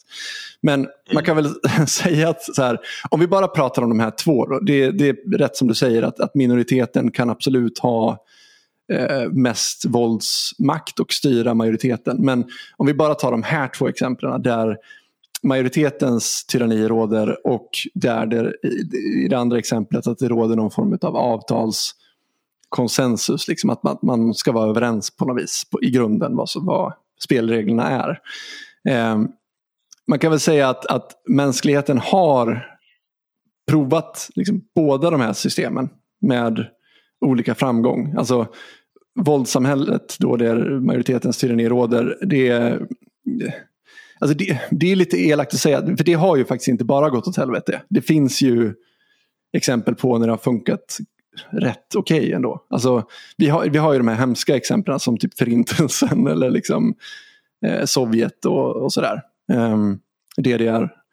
Um, men Sverige är ju faktiskt ett sånt exempel där det har fungerat relativt okej. Okay, måste man ju ändå säga. För att vi har också det här på något vis i att det är alltid folkviljan som styr. Det är någon form av grundprincip i Sverige. Oavsett vad det gäller. Mm. Men det har ja. inte ballat ur. Kan man, ja, det går väl också att tvista om. Det finns ju samer och, och människor som har tvångssteriliserats och allt möjligt sånt där. Så att, eh, man ska väl inte säga att det har fungerat superbra men det har ju fungerat mindre dåligt i alla fall än Nazityskland och så vidare. Mm. Men på något sätt så kan vi komma överens om att ett, ett, ett avtalssamhälle är ju kanske mindre, ett mindre destruktivt samhälle att leva i. Alltså, det, det, vore ju, det är ju hemskt om, om, om alla inte skulle känna sig trygga med att man inte är hotad bara för att man skulle råka hamna i minoritet. Det är ju, det är ju i längden ganska, ganska destruktivt. Liksom. Även för, ja, en, gud, ja, verkligen. även för en grupp. Ja, men, och, och där kan man ju se också så här, vad, liksom, ta typ ta, ta liksom vad, som, vad som hände under så här, franska revolutionen eller vad som hände i, i uh, Sovjet och alla de här sakerna. Det var liksom en extrem brutalitet och tyranni som mm. skedde. Och tar man vad som händer, alltså jag menar nazismen är ju på väldigt många sätt också ett, ett liksom adelsuppror och sådär också. Liksom. Mm. Sen, var ju mm. de, sen var ju de liksom uttalat på många sätt ganska socialistiska och sådär också. Mm. Um, på, alltså i rent ekonomiska termer. Men uh, alltså i, i bemärkelsen av att staten ska ha inflytande över uh, liksom, vad, vad näringslivets syfte är och, och massa olika sådana här saker. Liksom. Men, mm. um, ja men precis. Ja, och, och, och, och, så vidare. Och det blev ju också som sagt då, det, man kan ju, liksom, det, det finns ju en, men, men, ja, det finns en majoritetens tyranni kan man ju lugnt säga det också. De här mm. grupperna är inte önskvärda längre, bang. Mm. Uh, och ta, ta vad som händer i till exempel Sydafrika nu. Jättebra exempel. Alltså, ja, du har uh, den svarta om, befolkningen. ja, men den svarta befolkningen är extremt rasistiska, extremt våldsamma. Mm. Um, uh, alltså, såklart inte alla, men eh, det, och, och går runt och skriker kill the boer, alltså presidenten skriker kill the boer. Mm. Eh, och, och liksom, du har mobbar, liksom, alltså du har i princip pogromer mot eh, vita människor som våldtar, plundrar, eh, ja, allt möjligt. Liksom. Det är helt mm. sinnessjukt. Liksom. Så att, och det är någonting som sanktioneras för att de är då förtryckt grupp och bla bla bla. Så ja men precis, det är extremt det, det, det, kan, det, kan, det kan ju få många ansikten det här med majoritetens tyranni. Ja, verkligen. Jag tänker att vi ska fokusera lite mer på, på just det avtalssamhället mm. som jag pratade om. Säg att du, när det kommer till den här vattendunksfrågan. Säg att liksom mm. gruppen säger liksom att ja, skitsamma, vi, vi kommer inte gå våldsvägen där vi eh, bara för att vi är fler än dig eh, tar dina grejer ifrån dig. Utan vi, säger vi, vi, vi, respekterar det. Alltså det är ändå inte orimligt att, att du bestämmer över det som du riskerade livet för att ta med till den här ön. Men, och så säger en av de i gruppen att så här, men det blir lite så här oförutsägbart om vi hela tiden liksom ska behöva rösta om premisserna för röstningen. Kan vi inte bara liksom bestämma några grundläggande principer på förhand som sätter gränser för vad vi inte får rösta om? Liksom, så slipper vi gå igenom det här varje gång. Och så mm. sätter ni er ner och kommer fram till några grundregler. Och nu har ni egentligen skapat ett system som mer liknar en normal liberal demokrati. Alltså det finns en, en grundlag som bestämmer vad man inte får rösta om, eller vad staten får göra, men det finns ingen stat på den här, men vad man inte får rösta om. Eh, och ett exempel som ligger nära till hands för oss i Sverige det är ju EU. Liksom, att, att där finns det en stark grundlag med ja, men egentligen mänskliga rättigheter. Um, Och det fanns ju kanske in, innan när vi inkorporerade i Europakonventionen. Och det här är väl typ det vanligaste systemet i västvärlden egentligen skulle jag säga. Alltså vi, vi, vi sticker ju ut lite i Sverige med att tänka på ett lite annat sätt. Och, ja precis, och, och det är egentligen bara eh, tur på sätt och ja. vis att det systemet ändå, liksom, grunderna är annorlunda. Det vill säga att staten äger allt och dig och staten är liksom central, eh, liksom, ja, men det, det är liksom Leviatan fast på en ganska extrem nivå jämfört med många andra länder med tanke på vilka rättigheter man har där gentemot staten. Liksom. Ja, verkligen. Och en, en, liten grej som jag tänkte på med EU. Och det här är en liten viktig grej att komma ihåg. för att jag, jag, jag tänkte att jag ska komma tillbaka till det. För det är, liksom, det är lite av en pusselbit till att förstå varför naturrätt existerar. För jag kommer komma dit. Nu blir det lite sådana avsnitt igen där vi pratar en och en halv timme och sen kommer jag till själva poängen. Men det behövs en liten resa för att komma fram till det. Alltså, du vet, EU är ju i grunden en tullunion. Och tanken mm. är ju att man ska fixa till en massa friheter. Alltså frihandel och fri rörlighet och sånt där. Och det mm. intressanta är när man talar om fri rörlighet så var det ju tidigare så Alltså tidigare så reglerade ju medlemsstaterna rörligheten. Du, du, liksom, du kanske fick åka till Tyskland men du fick kanske inte jobba där och du kanske inte fick befinna dig där längre än alltså bla bla bla.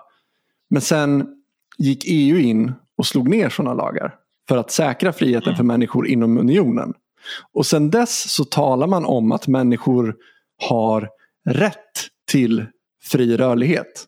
Och det är som att så här, när man konstaterade att, att medlemsländer inte längre hade rätt att inskränka den fria rörligheten så innebar detta en rättighet, eller ja, en frihet skulle jag säga, för enskilda medborgare. Och, och det här är egentligen det man menar när man pratar om, om negativa rättigheter. Alltså A har ingen rätt att inskränka Bs frihet. B har därför en, en negativ rättighet. Och det, mm. ja, det var bara en liten ja passus. Men, men keep this in mind. eh, tillbaks till den här konstruktionen då, där det finns grundläggande regler för vad man inte får rösta om. Och Jag skulle säga att det finns, alltså det, här, det, det, här är ett system som är absolut att, att föredra framför ett våldssystem skulle jag säga.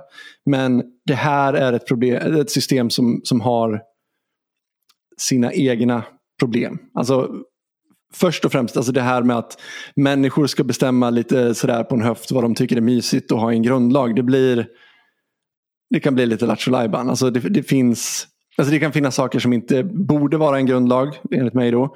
Och ibland saker som är helt motsägelsefulla. I EU, liksom, EU, EU-stadgan så till exempel så har vi ett krav på att medlemsländerna ska jobba för jämställdhet. Och ett annat krav på att man inte får diskriminera på grund av kön. Och det är liksom så här, hur får man ihop den här synen? Alltså om man tänker, det. det blir ju det blir väldigt svårt. liksom. Mm. Och det kan man väl snacka om att så här, ja, men man kan göra en avvägning och så vidare. Men det är fortfarande så här, det är problematiskt för mig att ha en grundlag som är motsägelsefull. Det, det, det är, ju inte, nej, men det är ju inte det för dem. Alltså, för grejen är att för, i, i, deras fall så är det ju att du har um, uh, egentligen så är allting ett ekvilibrium. Och allting som är ett eh, avsteg från det ekvilibriet är en förtryckande struktur. Mm. Det, är, det är ju så de resonerar. Det så därför får de ihop det. För att alltså, eh, just att det är jämställdhet. Mm. Det, men det är inte som att de tror att det, att det råder jämställdhet. Är det det du menar? Nej, nej, nej, nej, nej, nej men alltså så här. Alltså, de, de menar på, i ett sådant läge liksom, som de resonerar då, är ju att eh, eh, diskriminering är någonting som sker när det inte råder jämlikhet. Mm. Så det vill säga, det vill säga att säga att du har en eh, säg att du har 40 procent eh, 40 eh, kvinnor och 60 procent män på mm. ett ställe. Mm. Um, och så ska du anställa någon annan person Och så har du en person som är jättekvalificerad, som är man. Och så har du en person som är ganska kvalificerad, men inte lika kvalificerad, som är kvinna. Mm. Eh, att välja bort den mannen till förmån eh, för kvinnan Mm. är eh, på det stora hela i the bigger project inte eh, Alltså att, att, att välja kvinnan i, är i det stora hela ett sätt som är antidiskriminerande för att man ser jämställdheten som som sagt då. ehm, Ja, det, det är precis det jag menar. Man kommer behöva göra en avvägning mellan de här två ja. värdena. Men det är, så de, det är så de resonerar Ja, det. Liksom. exakt. Precis. Så- och det, ja. För mig så... Alltså jag tänker att en grundlag måste innehålla friheter som är... Och friheter är ju... De går ju... Alltså de går aldrig emot varandra. Punkt. Alltså, och så får du ihop en grundlag enligt mig. Men det här är egentligen inte Mm. den, min, min största kritik mot det här systemet. Utan min främsta kritik mot det här systemet, det har du nosat lite grann på. Men har du hört uttrycket eh, “Conservatives are progressives driving the speed limit”? Nej. Det är ett väldigt bra citat. Jag tror att det är Michael Mallis som har myntat det. Och jag tror att det från början var en tweet bara. Men det, har, det här citatet har fått sitt eget liv. För att han, eh, folk upplever att han har en jävligt bra poäng i det här. Och det, han, han tänker sig liksom att så här, konservativa är vad en progressiv var för typ 20 år sedan. Alltså de har samma åsikter som en progressiv person hade för 20 år sedan. Så till exempel en konservativ amerikansk, alltså en republikan idag tenderar att ha, eh, kanske tycka att eh, same sex marriage är okej. liksom. Något som de inte tyckte för bara typ 15 år sedan. Men, men nu tycker de det. Eh, Medan de progressiva är framme i att eh, jo men vi ska ge eh, köns affirmation vård till, till fyraåringar för att det är det mest progressiva nu. Och så sätter de konservativa emot sig. Nej, det här kan vi fan inte göra. Men om 15 år så är de också det. För att då är de progressiva längre fram. Liksom. Så att poängen är att de progressiva kommer alltid vinna i längden. Det kommer alltid dra åt ett visst håll. Mm. Ja. Så att, och lite grann på samma sätt är det här. Alltså, man skulle kunna säga att ett, att, att liksom ett avtalssystem är ett våldssystem driving the speed limit. Alltså, det är samma grej i grunden. Man har bara liksom satt in vissa små regler som gör att det går lite mindre fort utför. kan man säga. Eftersom på något sätt så, så förlitar vi oss på, på någon form av majoritetsbeslut som bestämmer grunderna i det här samarbetet. Så att, så att på sikt så finns det risk för att, att det hamnar saker i grunden, i grundavtalet som kanske inte hör hemma där, som gör att det leder åt att ett, mer av ett, ett våldssystem. Så det här, jag ser inte det här som ett så stabilt system. Det är skenbart stabilt. Alltså man kan ju tänka sig att en minoritet eh, börjar tänka mer på ett, på ett, på ett våldssätt. Eh, och man skulle kunna tänka sig ett, ett våldssamhälle som fortfarande har den här strukturen kvar av ett grundavtal.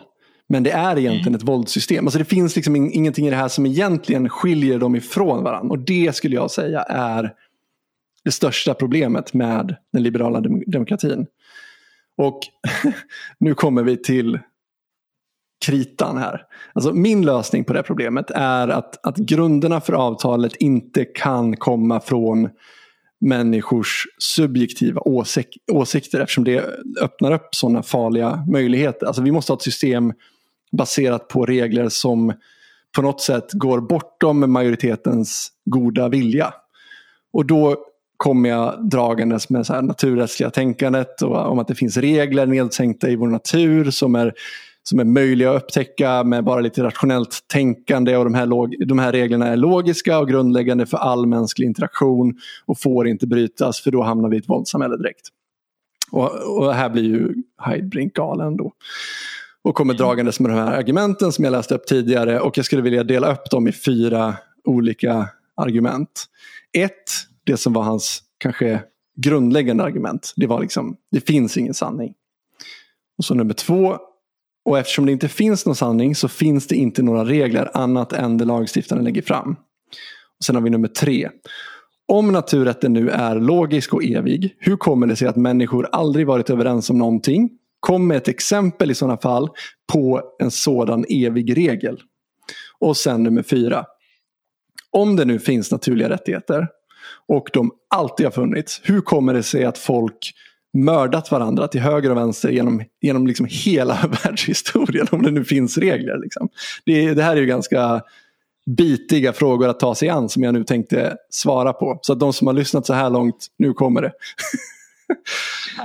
är du beredd? Ja, jag är beredd. Ja, nu får vi se om jag lyckas eh, knäcka de här argumenten. Du får vara domare lite grann. Eh, mm. Alltså, om vi tar första påståendet, så det finns ingen sanning. Och då slog det mig att när jag funderade på det här så, så Ayn Rand har ett jävligt bra citat om just det här. Som går något i stil med att så här, man, man kan ignorera verkligheten men man kan inte ignorera konsekvenserna av att ignorera verkligheten. Så låt säga att sanning är upp till konsensus, konsensus och vi på den här ön bestämmer oss för att Vadå vatten? Det, vi kan ju rösta om att dricka havsvatten. Alltså att havsvatten skulle vara farligt, att det skulle vara någon sorts objektiv sanning. Det är ju inte sant om vi alla kommer överens om att det inte är sant. Alltså på det sättet så, det går ju absolut att ignorera verkligheten på det sättet. Men det går inte att ignorera konsekvenserna av att ignorera verkligheten. Alltså vi kommer ju bli väldigt sjuka och dö. Mm. Så verkligheten är inte beroende av konsensus. Vi kan liksom bara välja om vi ska förhålla oss till verkligheten eller inte. Och väljer vi att inte göra det så kommer det få, alltså det kommer komma med en prislapp. Liksom. Det, är, det är rätt oundvikligt. Håller det argumentet? Eh, ja, skulle jag säga. Uh, alltså, sen sen alltså, sådana som sysslar med radikal subjektivism på det planet skulle ju väl säga att så här, ja men havsvatten är faktiskt inte farligt om man filtrerar det och bla bla bla. bla, bla, bla så där, liksom. Mm, uh, mm. Så det, menar, så här, det, det, är klart att det finns om och men. Ja, och precis. det finns en ontologisk skillnad mellan liksom, på sätt och vis liksom hur materia är eh, konstruerat och allt sånt där. Och hur och, och Men det skulle jag ju moraliska regler är. Ja. Uh, jag, jag, jag, skulle nog säga det, liksom, att, att det, är liksom så här, det är enklare att konstatera att det gör ont att uh, dunka huvudet i en vägg mm. än att det är ont att uh, handla på ett visst sätt. Mm. Um, men alltså är det inte, alltså det här är ju någon men, form men så här, om, om, man tar typ så här då. Mm. Liksom. Mm. Storbritannien eh, kommer till Indien eh, och har egentligen en approach som är lite sådär live and let live eh, mm. när det kommer till vissa kulturella företeelser. Mm. Eh, men eh, indierna eh, tvingar änkorna att brännas på bål med deras döda makar. Mm. För att de ska få vara tillsammans i, i nästa liv eller du vet, i något sånt där. Liksom. Mm. Um, och britterna säger, ah, vet ni vad? Banga det. Uh, eller liksom, conquistadorerna kommer och ser liksom att ma, liksom, aztekerna liksom, kör någon sån jävla du vet, uh, adrenochrome-ritual. Liksom, dricker spädbarnsjuice och, och, och liksom, drar ut deras hjärtan och allt möjligt sånt där. Liksom, eller vad de nu mm. höll på med. Uh, och säger så här, grabbar, liksom, hit men inte längre. Um, kan man då hävda, liksom, alltså, jag menar så här, reductio ad absurdum på, på hans argument där någonstans mm. Mm. Eh, blir ju att liksom, om tillräckligt många människor skulle få för sig att det är en bra sak, är mm. det en bra sak då? Ja, precis. Exakt. Och det är det som är eh, och, och någonstans där måste man faktiskt få, få använda sig av förnuftet. Liksom.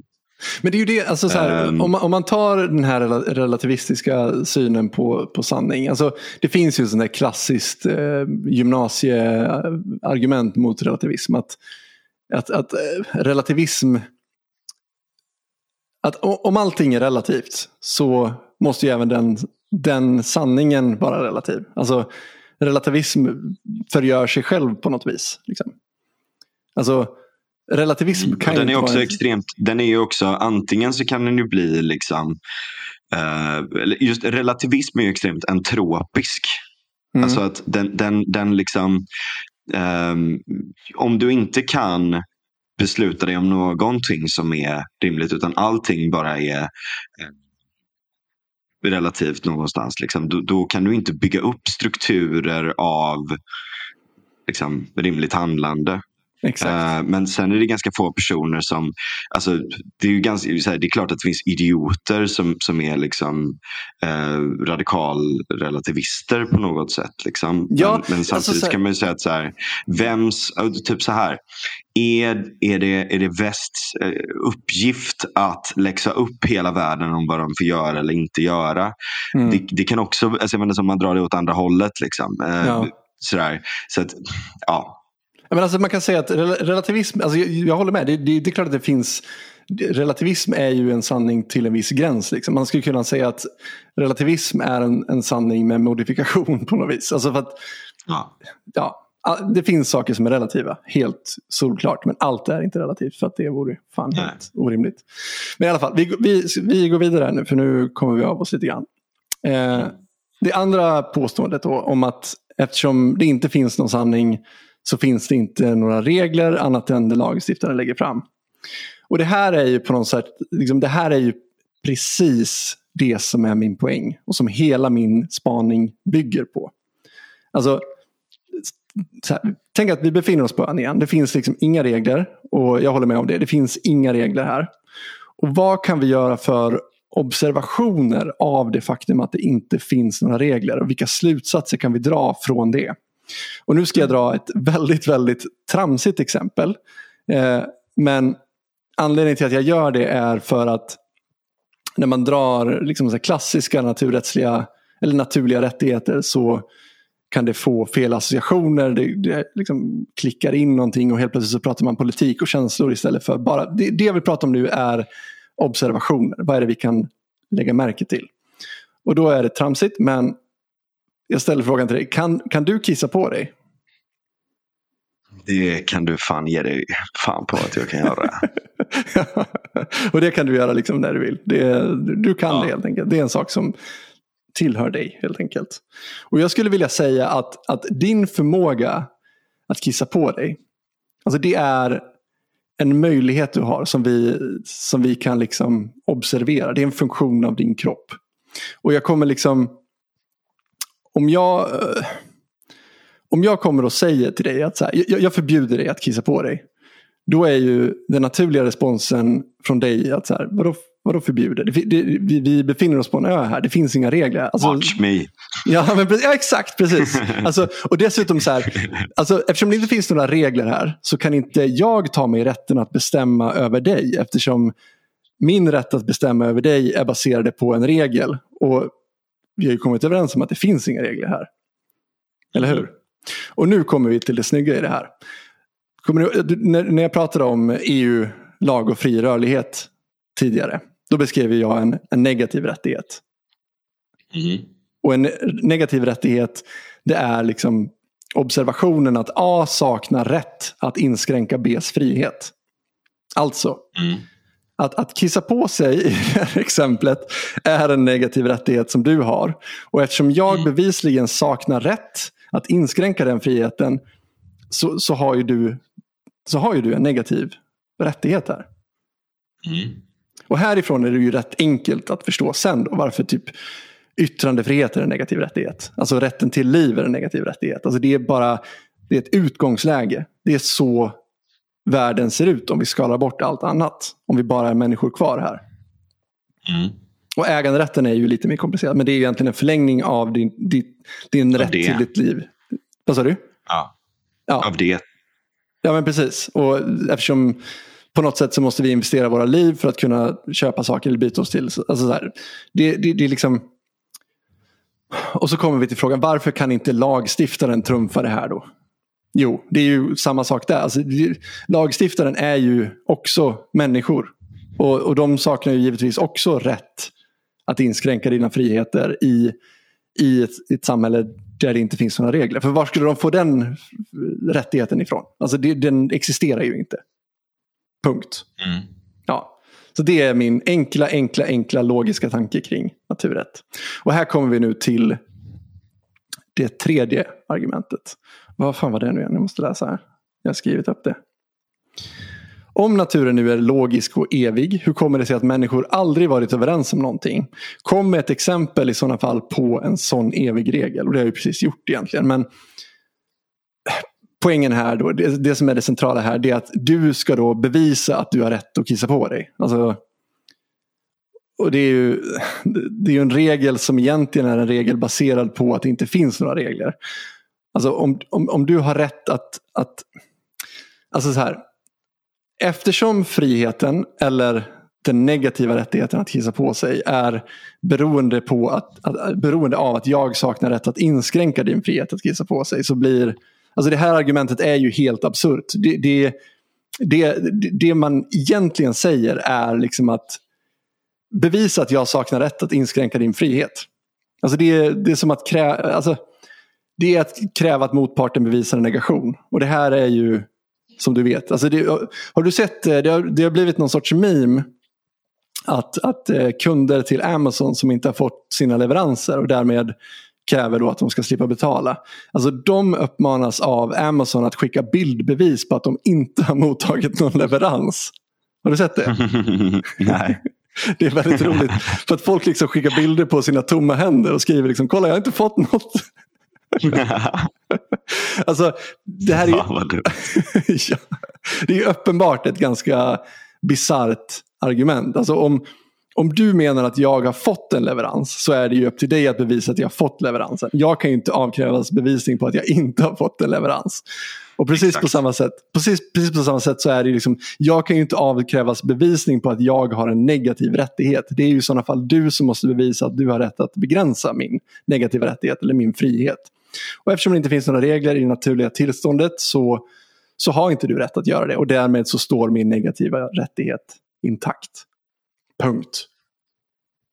Ja, ja, det är faktiskt ett bra case.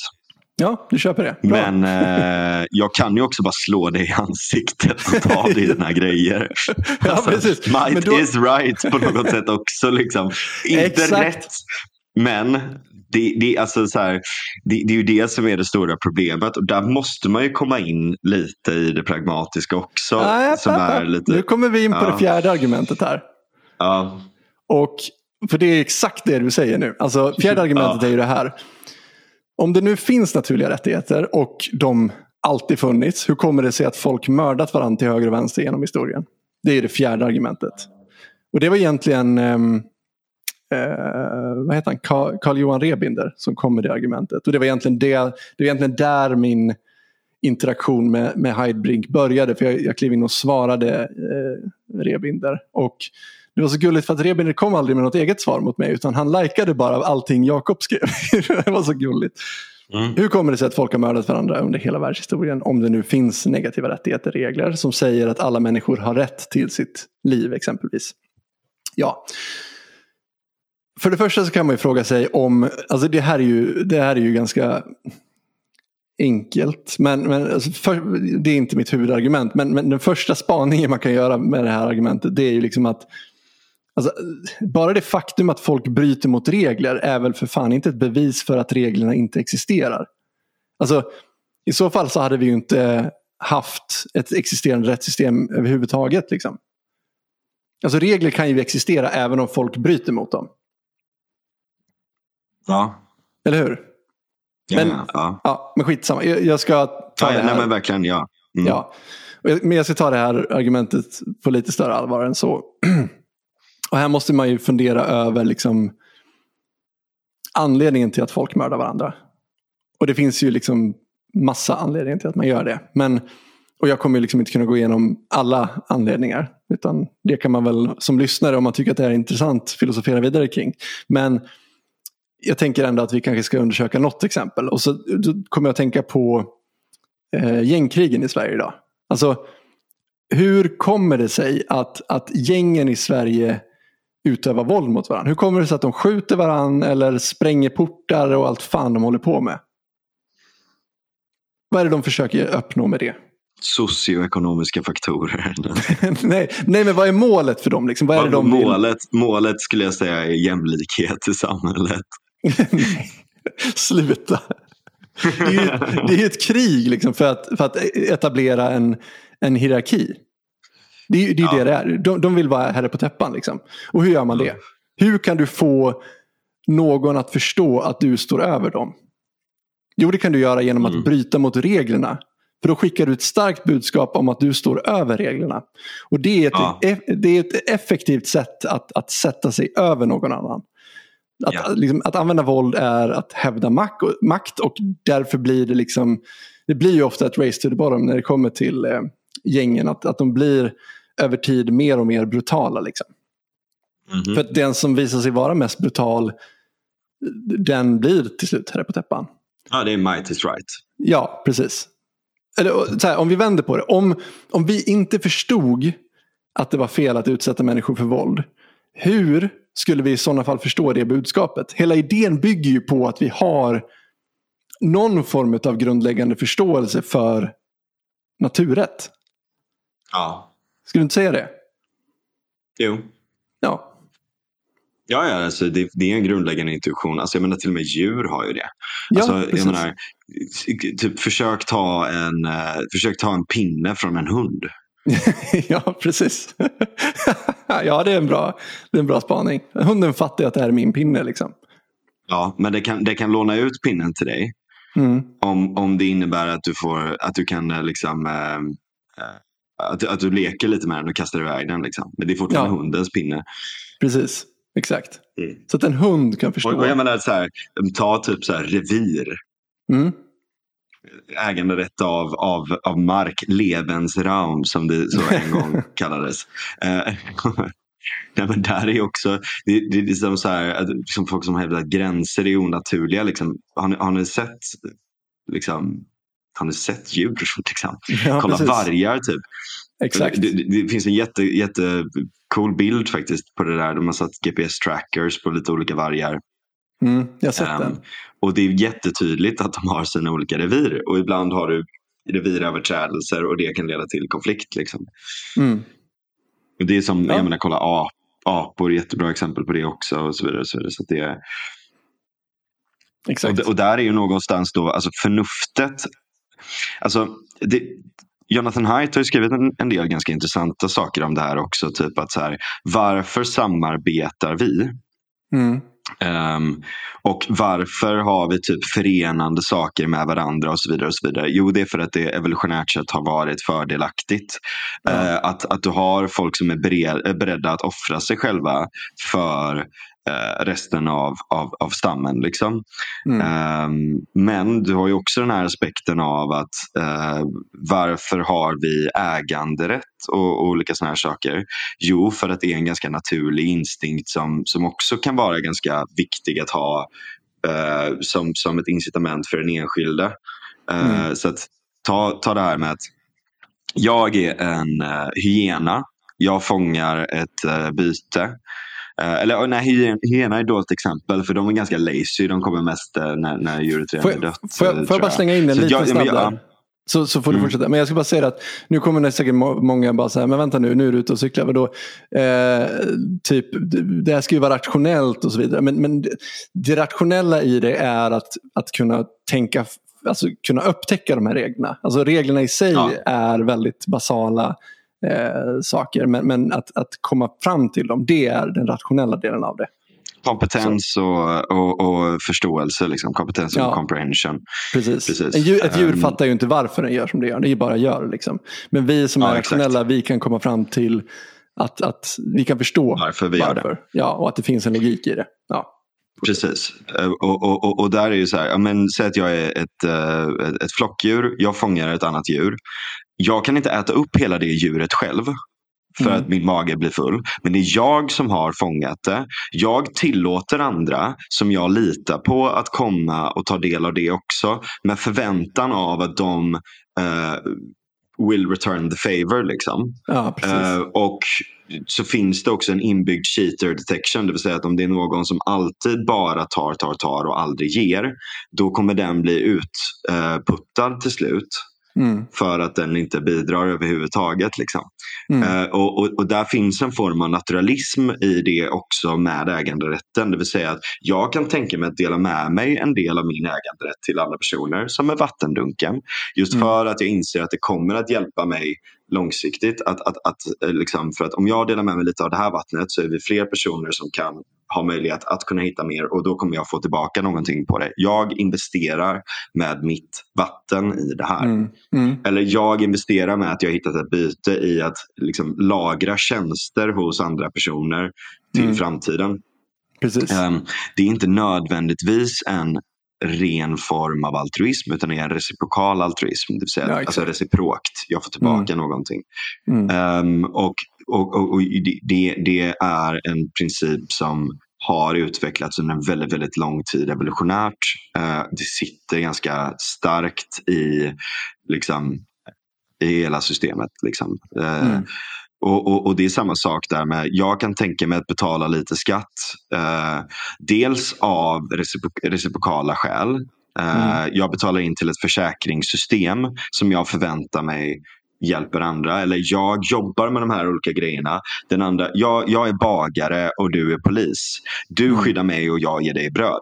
Alltså, det, det är liksom, de, de aspekterna finns i det. Ehm, Det, är ju det, Och- och- det här är och- väldigt intressant. Det, det här är väldigt intressant. För det här är ju det vi har staten till på något vis. Och det här är väldigt ja. lockianskt men alltså, i, i grundavtalet med staten så är det liksom att så här, ja vi kan ha en sån ordning där vi har anarki och då kommer alla behöva ha vapen för att vi kommer behöva försvara våra rättigheter mot andra människor som kan tänka sig att, att sätta sig över mig. Liksom. Mm. Eh, så att, men, men det har man väl kanske kommit fram till någonstans att fan, det vore jävligt skönt att slippa hålla på. Det är bättre om vi hade haft en polis och så skapar vi en stat där vi säger att ja, staten du får våldsmonopolet. Det är inte ett aggressivt monopol utan det är ett försvarsmonopol. Ni ska liksom försvara eh, er primära uppgift är att försvara medborgarna mot, mot varandra. Så, så att liksom, Ja, ja. Eh, exakt. Ja, och, och det är först då man kan tänka sig att betala skatt. Problemet med skatt det är ju lite grann att det här våldsmonopolet har lite grann vänt sig emot sina kunder och sagt att nu jävla betalar ni för att annars, slänger vi, alltså annars kommer vi utöva våld mot er. Och då är det inte riktigt längre en stat skulle jag säga. Då är det någon form av eh, alltså det är ju ett, ett gäng, det är ju organiserad brottslighet på något vis. För att Ja. För att, alltså, och jag är med dig. Jag skulle också kunna tänka mig att betala in skatt till ett, ett försäkringssystem som det skulle vara. Mm. Men, Leviatan som upprätthåller liksom. ja, men precis på något sätt. Nu är, nu är jag som sagt, jag, är- jag är inte klar i om jag är anarkist eller om jag är någon form av liberal. Men låt säga, ja, men jag skulle kunna tänka mig att betala, betala in skatt. Liksom. Men sker det frivilligt så är det okej. Men sker det ofrivilligt så, så är det ju stöld. Liksom. Så det är därför jag måste landa i någonstans att skatt är stöld som det ser ut idag. Jag har svårt att se det på något annat vis. Och jag undrar vilken rätt staten har att, att, att kräva in skatt utav människor. Det, det för mig är ett mysterium, vart den rätten kommer ifrån. might is right. Ja, det är might is right. Och det kan man ju säga då i sådana fall att det vi har nu, det är ju inte riktigt längre än...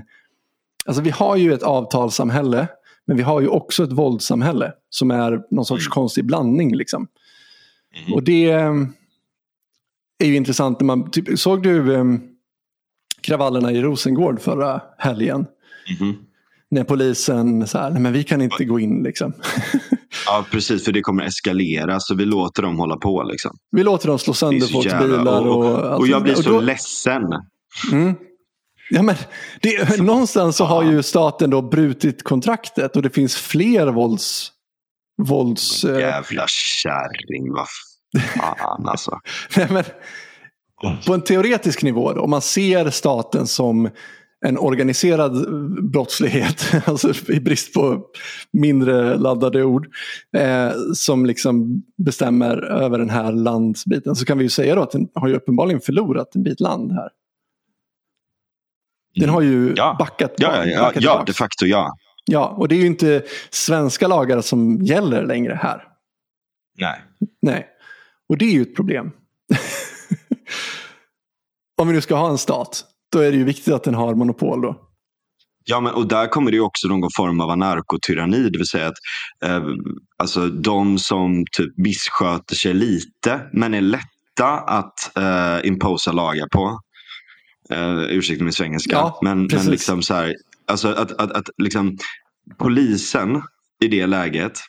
Alltså just, och det här är ju liksom jättetypiskt exempel på vad som hänt i, i USA och sådär också med, med alla kravaller och i Frankrike i viss mån och sådär också. Liksom. Att så här, eh, om, när, alltså, polisen, om de prioriterar eh, befolkningen som är lätt att kontrollera Mm. eh, och som begår, alltså som, som begår mildare brott och som är mer samarbetsvilliga i när polisen kommer liksom, ehm, och, och, och säger till dem nu har du, nu har du liksom, eh, gått mot rött. Liksom. Mm. Ehm, Okej, förlåt, b- jag betalar min böter. Liksom. Alltså, och, och i- istället för att fokusera på den faktiskt grova brottsligheten, både när det kommer till organiserad brottslighet och oorganiserad brottslighet. Mm. Eh, och och liksom de här kravallerna som vi, som vi har från eh, liksom, den, den liksom, ja, framförallt liksom invandrarbefolkning med muslimsk bakgrund. Mm. Eh, antingen, antingen på grund av hä- diverse hädelsegrejer eller, eller bara liksom. Ja, precis. Jag vet inte, vad berodde det här i Rosengård på ens? Jag vet inte, jag har inte följt det så mycket. Men det jag följde desto mer det var ju det här med korankrava, eller vad säger jag, med koranbränningarna och exakt, allt som exakt. Jag tror men att det berodde det på liksom här- koranbränningar förresten. Nu, nu när Ja, jag tänker på det. Ja. Ja, men för, för då har du ju liksom en form av anarkotyranni. Liksom. Att, att Mm. det, du har anarki ute på gatorna, men liksom, eller anarki när det kommer till de som faktiskt begår extrema brott. Och, och, och så har du tyranni när det kommer till den egna befolkningen. Liksom. Det, Ja. Dels har du det. det, Och sen har du det här med, eh, alltså jag stör mig så jävla mycket på Moderaterna. Alltså vad är det för jävla... Alltså ibland ser jag på sossarna som en morsa och Moderaterna som en farsa. Och det är morsan som styr, liksom. det är morsans hem. Liksom. Ja, ja, Farsan gud, ja, är gud, bara en sån här mespropp som aldrig riktigt... Eh, ja, men han är hunsad liksom, så in i helvete. som inte vågar säga till. Liksom. Ja, och sen nu inför valet så, blev, så mopsade Moderaterna upp sig och sa liksom att nej men vi är tuffa karar liksom. Och så fick de eh, eh, majoritet, eller Moderaterna fick inte majoritet, men de kunde bilda en regering i alla fall. Eh, och så fort det blir koranbränningar och så, då är de liksom så här, men då är de inte så jävla tuffa längre, då viker de sig. Och det som är intressant med det här då, det är att man kan ju se yttrandefrihet som en naturlig rättighet, men att vi har kommit överens med staten i ordningslagen då, eller staten har satt upp liksom så här, men det här, det här är villkoren för yttrandefriheten när du gör den ute på stan. Det är att du måste säga till polisen så att polisen kan skydda dig och se till så att det inte blir förstörande för, för samhället. Vi måste ha lite ordning och reda liksom. Eh, och Det är lite så här, knut, knuta näven i fickan, pappan. Ja, men precis. Ja, exakt så. Men, och då är frågan liksom så här, okej, men nu har vi en sån situation där ordningslagen ska utredas för att den ska kunna inskränkas ytterligare då. För att det finns ett hot mot medborgarna i det här samhället som staten uppenbarligen inte klarar av. Utan man är hellre villig då, precis som du säger, att inskränka medborgarnas rättigheter. Att liksom rucka lite på det här avtalet som man har med medborgarna. Istället då för att sätta hårt mot hårt och säga att fuck you, det är vi som har, det är vi som bestämmer här. Ni har ingen jävla rätt att komma hit och tala om för oss hur vi ska leva. Vi har ett avtal, punkt. Alltså det, det finns ingenting utav det. Jag är så jävla trött på det. Och så Gunnar Hökmark och Carl Bildt. Alltså vilka jävla... Vad har hänt med de karlarna? Orkar inte med dem. Alltså, är där ska där kommer ju pragmatismens... Nej, men där kommer ju tyvärr det värsta med pragmatismen.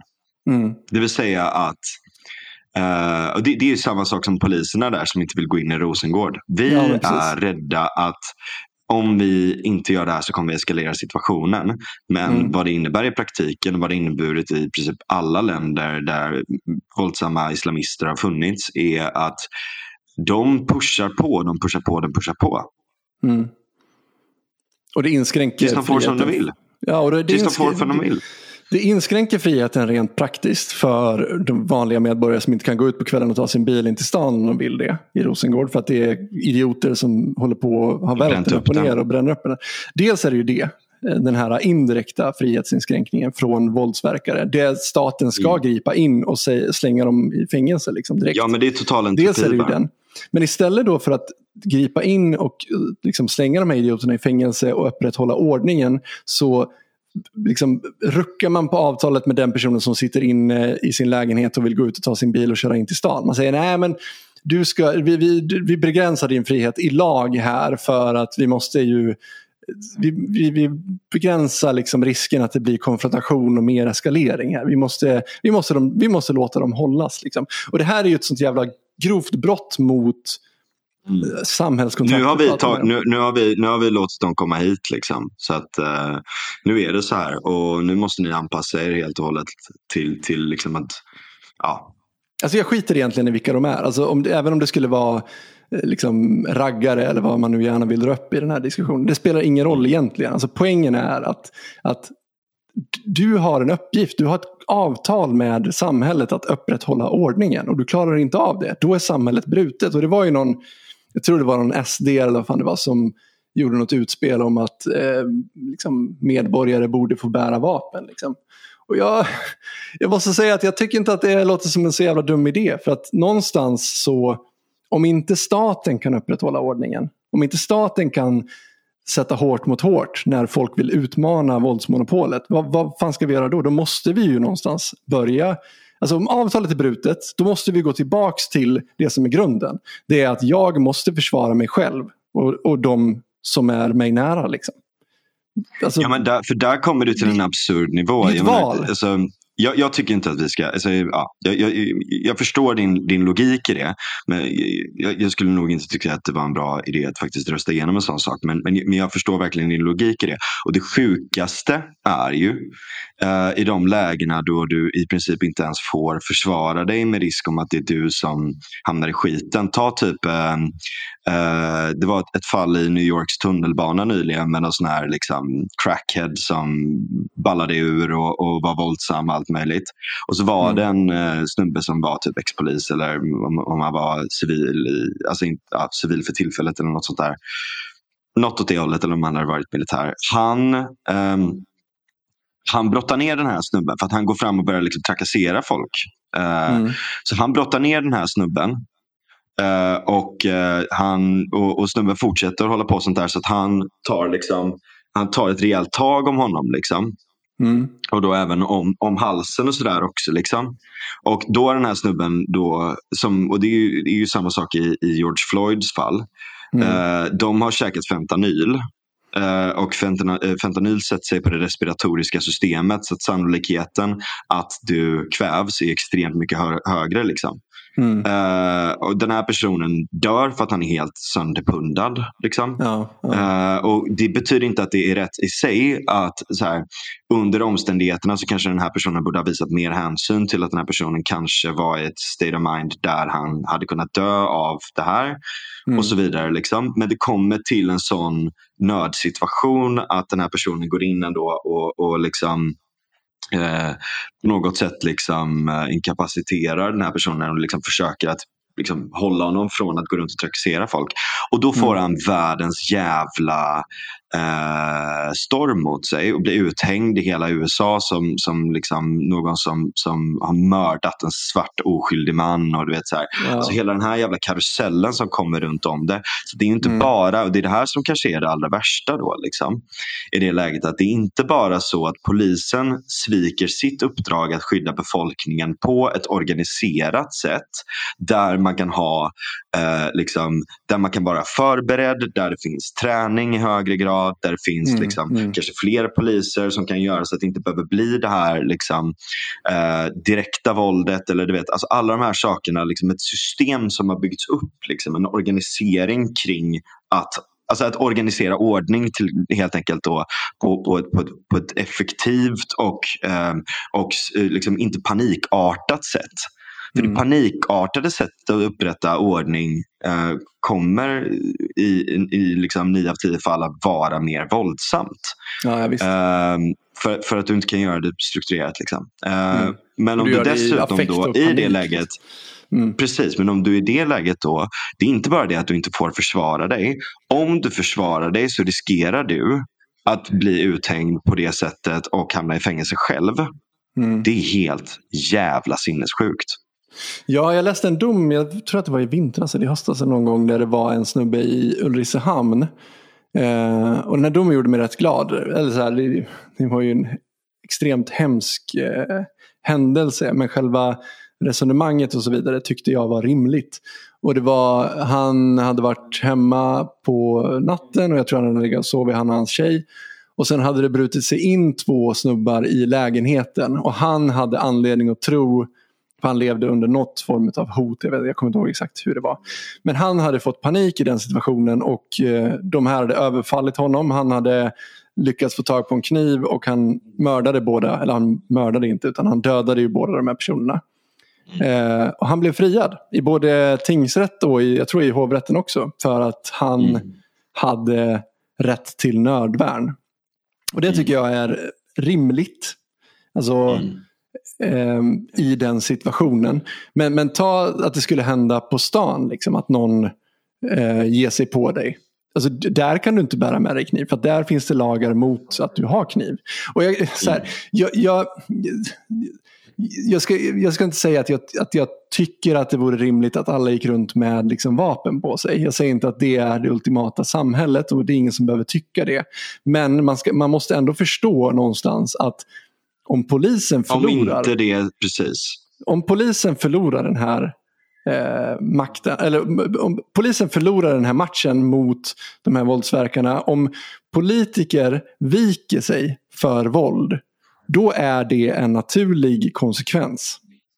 Alltså det och en naturlig rättighet som man faller tillbaka på. Liksom. För Ja, någonstans är- måste man få Det är där liksom, vi kommer hamna. Och vill, och vill man inte hamna där, då är det jävligt viktigt att polisen kan, kan slå ner på sånt här. Och att politikerna står pall och säger att nej, nej, nej, det är, inte ni, det, det är vi som bestämmer i det här landet vad, som, Mm. vad, som är, vad lagen är i sådana fall. Det, det är Ja. liksom, Vi, och också så här, att vi ens diskuterade på det här sättet. Sorry, we fucked up. Liksom. ja, exakt. Upprätthålla lite förtroende jag, tyck, för... jag tycker att det är ett jättebra exempel på en naturrätt som faktiskt finns också. Mm. Ja, verkligen. Det är verkligen, verkligen den, liksom att så här, just som du sa där innan, bevisa för mig för varför du får döda mig i så fall. Liksom. Mm. Eller Ja, varför precis. du får utsätta mig för de här grejerna. Liksom. Mm. Ja, men exakt. Och, och, och då kan man säga might is right, absolut. Eh, men då kan vi ställa frågan, okej, men är det ett samhälle vi vill leva i? Förnuft. Precis. Om inte, då får vi sk- skapa ett system som utgår från det andra. Liksom. Mm. Precis. Ja, jag tycker att vi... ehm, Vi uttömde det här Det var- ganska mycket nu. mm. Ja, det är bra. Eh, jag har eh, lite olika nya roliga idéer på vad vi kommer prata om framöver också. Ja, men vad kul. Börjat planera, Nice. planera lite roliga grejer så att, eh, det kommer bli lite fler avsnitt snart också. Ja, jag har också en, en spaning som jag tänkte så här, fan, ska jag köra den spaningen idag? Nej, jag skiter i det. Jag kör den här Mm. istället. Så att, eh, jag har också lite grejer på lager som kommer bli kul. Perfekt. Ja, men vi Ja, men, oss eh, för idag. tack för det här avsnittet. Ja, vi, vi hörs av. Ja, det gör vi. Kram. Kram, hej.